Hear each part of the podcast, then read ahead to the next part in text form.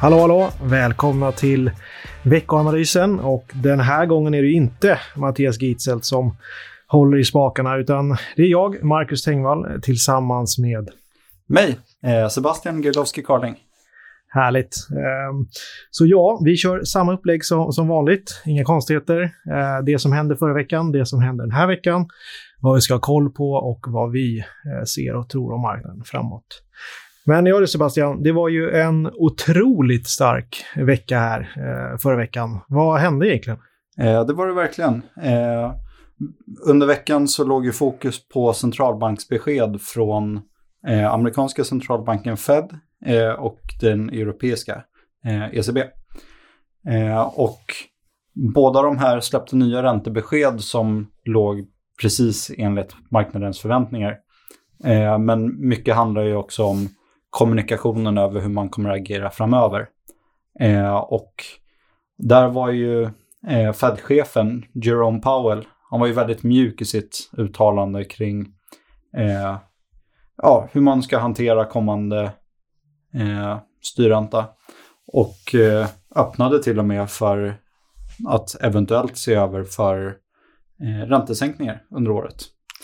Ja, och det där är ju det där är ganska intressant, för man har ju varit väldigt tydlig med att det är det sista man ska göra. Man ska absolut inte sänka räntor under året, utan man ska bara egentligen höja räntor för att eh, hålla tillbaka inflationen. Och nu börjar man närma sig marknadens förväntansbild. Och vi har ju pratat ganska mycket om det eh, tidigare, men om man backar bandet lite och kollade, kollar på, på 2022 så väntade sig marknaden bra mycket mer och bra mycket fler räntehöjningar än vad Fed själva prognostiserade. Och Ja. någonstans så marknaden hade rätt då och, och, och marknaden håller rätt den här gången också kan man ju tolka det som i alla fall. Att, att Fed går lite närmare marknaden.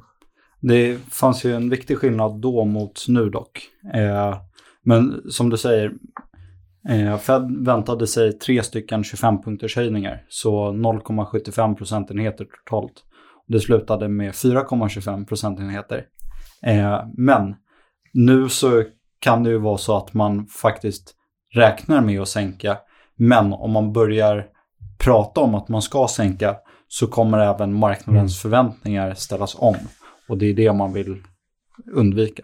Ja, det är en svår balans det där såklart. Men oavsett, så, så det man lyckades med förra veckan, det var ju kanske inte att göra andra medlemmar i Fed nöjda, för att det eldade ju säkert på eh, inflationsförväntningar och så vidare. Men man gjorde ju marknaden väldigt glad. Och tittar vi, tittar vi hittills i år så är ju ja, men Stockholmsbörsen är upp 12-13 procent. Mm. Vad har vi sen botten? Eh, I september, vad kan det vara? Omkring 30. Ja, så det är otroligt stora rörelser och, och det var ju under förra veckan så var det inte bara stora rörelser på, på aktiemarknaden utan det var ju även ganska stora rörelser på räntemarknaden. Mm. Och, och, och båda hållen egentligen. För först så följer räntor jättekraftigt Ja. och sen vänder de ju tillbaka. Och vad var det som hände där egentligen? Nej, men det följer ju först på Fed-beskedet och sen på ECB-besked när man pratar om att eh, ekonomin faktiskt håller uppe mycket bättre än vad man trodde att det skulle göra. Eh, men sen under fredagen kom det ju då in eh, amerikansk arbetsmarknadsstatistik. Eh, och den amerikanska arbetsmarknaden är som vi har pratat om förut väldigt stram. Eh, det finns väldigt eh, många lediga tjänster och väldigt få arbetssökande. Eh, och ett av de viktiga talen som kom in eh, är non-farm payrolls, vilket innebär antalet nytillsatta tjänster utanför jordbrukssektorn. Eh, och det här väntades komma in på 185 000, eh, vilket då skulle vara en viktig markör för att man hamnade under 200 000-strecket. Eh, vilket det pratades mycket om inför. Den föregående mätningen var på 223 000 och reviderades sedan upp till 260. Eh, men det den här istället kom in på, eh, väntat 185, faktiskt resultat 517 000 nytillsatta Mm. tjänster. Ja, det är ju otroliga eh, siffror och det, det visar ju styrkan som du säger i arbetsmarknaden. Arbetslösheten kom ner också. Mm. Ehm, Ner till 3,4 procent. Eh, och senast man hade så låg arbetslöshet var på 60-talet. Ja, och det där är ju det är klart att det är positivt för konjunkturen och den här mjuklandningen som centralbankerna försöker iscensätta. Och sannolikheten för det har ju ökat nu sista tiden.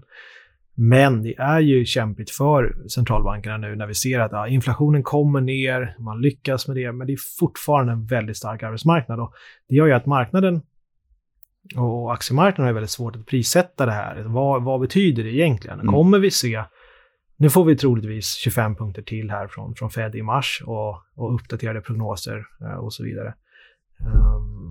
Men fortsätter arbetsmarknaden vara så pass stark, ja då är det inte säkert att prisbilden verkligen kommer ner så snabbt som marknaden vill. Nej.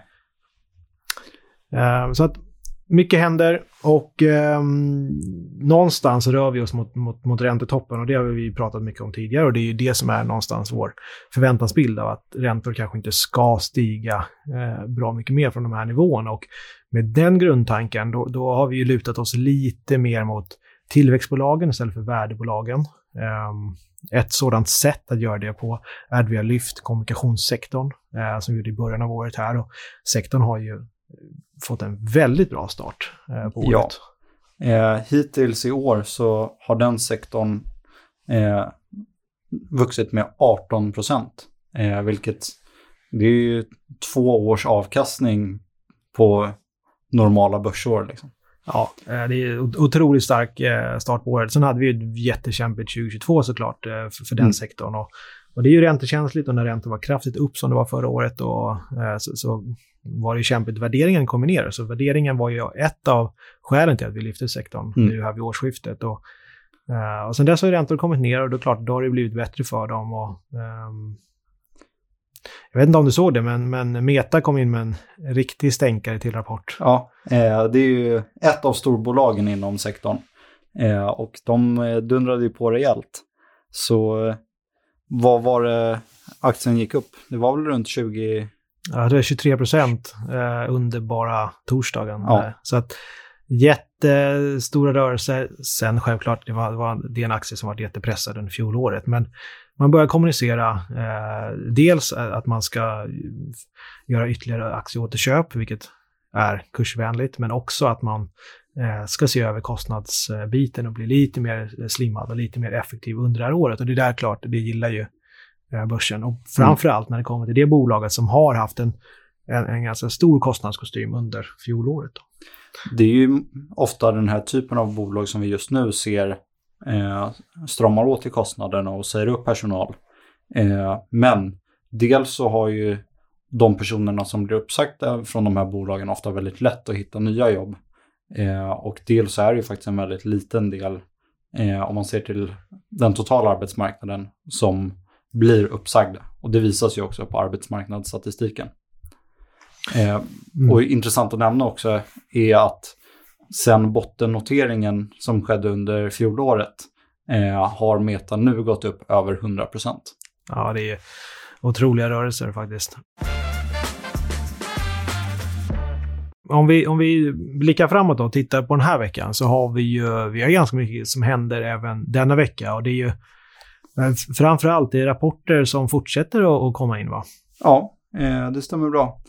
Eh, vi har bland annat, nu när det här spelas in på måndagen så kan jag säga att idag har vi Activision Blizzard som släpper rapport. Eh, den kommer ha kommit ut när det här sänds. Men den kan vara intressant att kolla på. Det är ett av storbolagen inom spelindustrin. Mm. som har, eh, ja, Microsoft har sagt att man vill köpa upp det här bolaget och det utreds just nu av konkurrensverk och liknande i både USA och EU.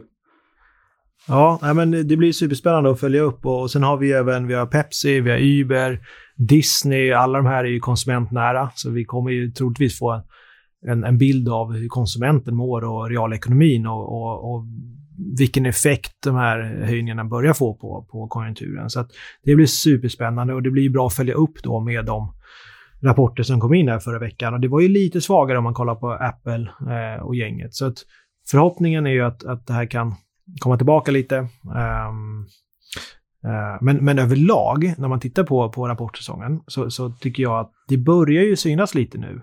Vinsterna de är ner i snitt med 5,3 procent, såg jag, jämfört med samma period förra året. Mm. Um, hälften av bolagen har rapporterat i USA det är väl, det är väl ungefär en, en, en 70 procent som, som slagit förväntningarna. Ja. Uh, och så som jag ser det så är det lite lägre än det historiska snittet. Mm. Så att, Det är det, men det är ju fortfarande relativt okej. Eh, att ändå, trots att det är tufft, så kommer 70% in över förväntningarna.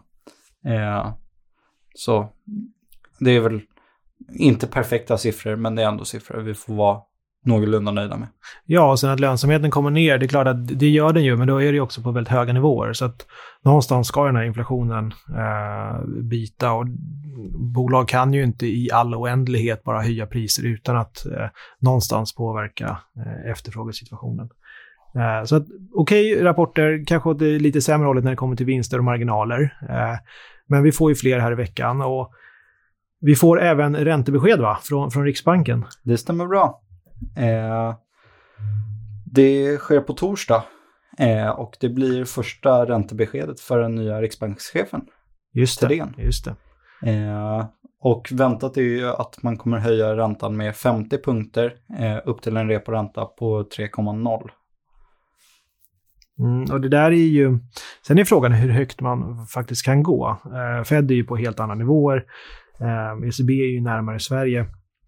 Men Riksbanken har en ganska svår situation. Att man har ju en inflation som tyvärr fortsatt rör sig uppåt och har Mm. ju inte kommit ner. Man måste höja för att strama åt den. Men sen har man ju samtidigt en ekonomi i Sverige som hostar lite grann och, och hushåll som är väldigt räntekänsliga. Ja. Och det börjar ju synas. Så att, ja, jag är lite tveksam på hur mycket man verkligen kan göra. Men, med 50 punkter i veckan, absolut, det är spikat. Mm. Sen är frågan hur mycket mer man kommer kunna göra. Vi har ju, som du nämnde, väldigt högt belånade hushåll. Vi har ju bland den högsta belåningsgraden i världen. Eh, och just av den anledningen så förväntar sig marknaden inte att man kommer höja så värst mycket. Eh, det är väntat med 50 punkter nu på torsdag. Eh, och sen så lutar man åt mellan 0 och 25 punkter till vid nästa möte. Mm. Och att man därefter nästa eller nästnästa ska sägas. Eh, antingen i mars eller i juni tror jag var de två alternativen. Och sen väntas man faktiskt vara klar. Ja, eh, och eh, man har ju också en, en jobbig situation nu för att vi har en väldigt svag svensk krona. Och Mm. den importerar ju, eller det gör ju att vi importerar inflation. Och Riksbanken har ju under lång tid jobbat med att försvaga svenska kronan för att importera inflation. För att vi har haft det problemet att vi inte haft någon inflation. Och nu när vi helt plötsligt har det så blir det ju bara än jobbigare. Så att en quick fix tycker jag är ju bara stärk svensk krona, få ner inflationen, konsumenter mår lite bättre, konsumentförtroendet, hushållen borde förbättras och så kan man komma ur den där spiralen. Ja, Lättare sagt än gjort, absolut. eh, Det är, det. men en eh, potentiell lösning.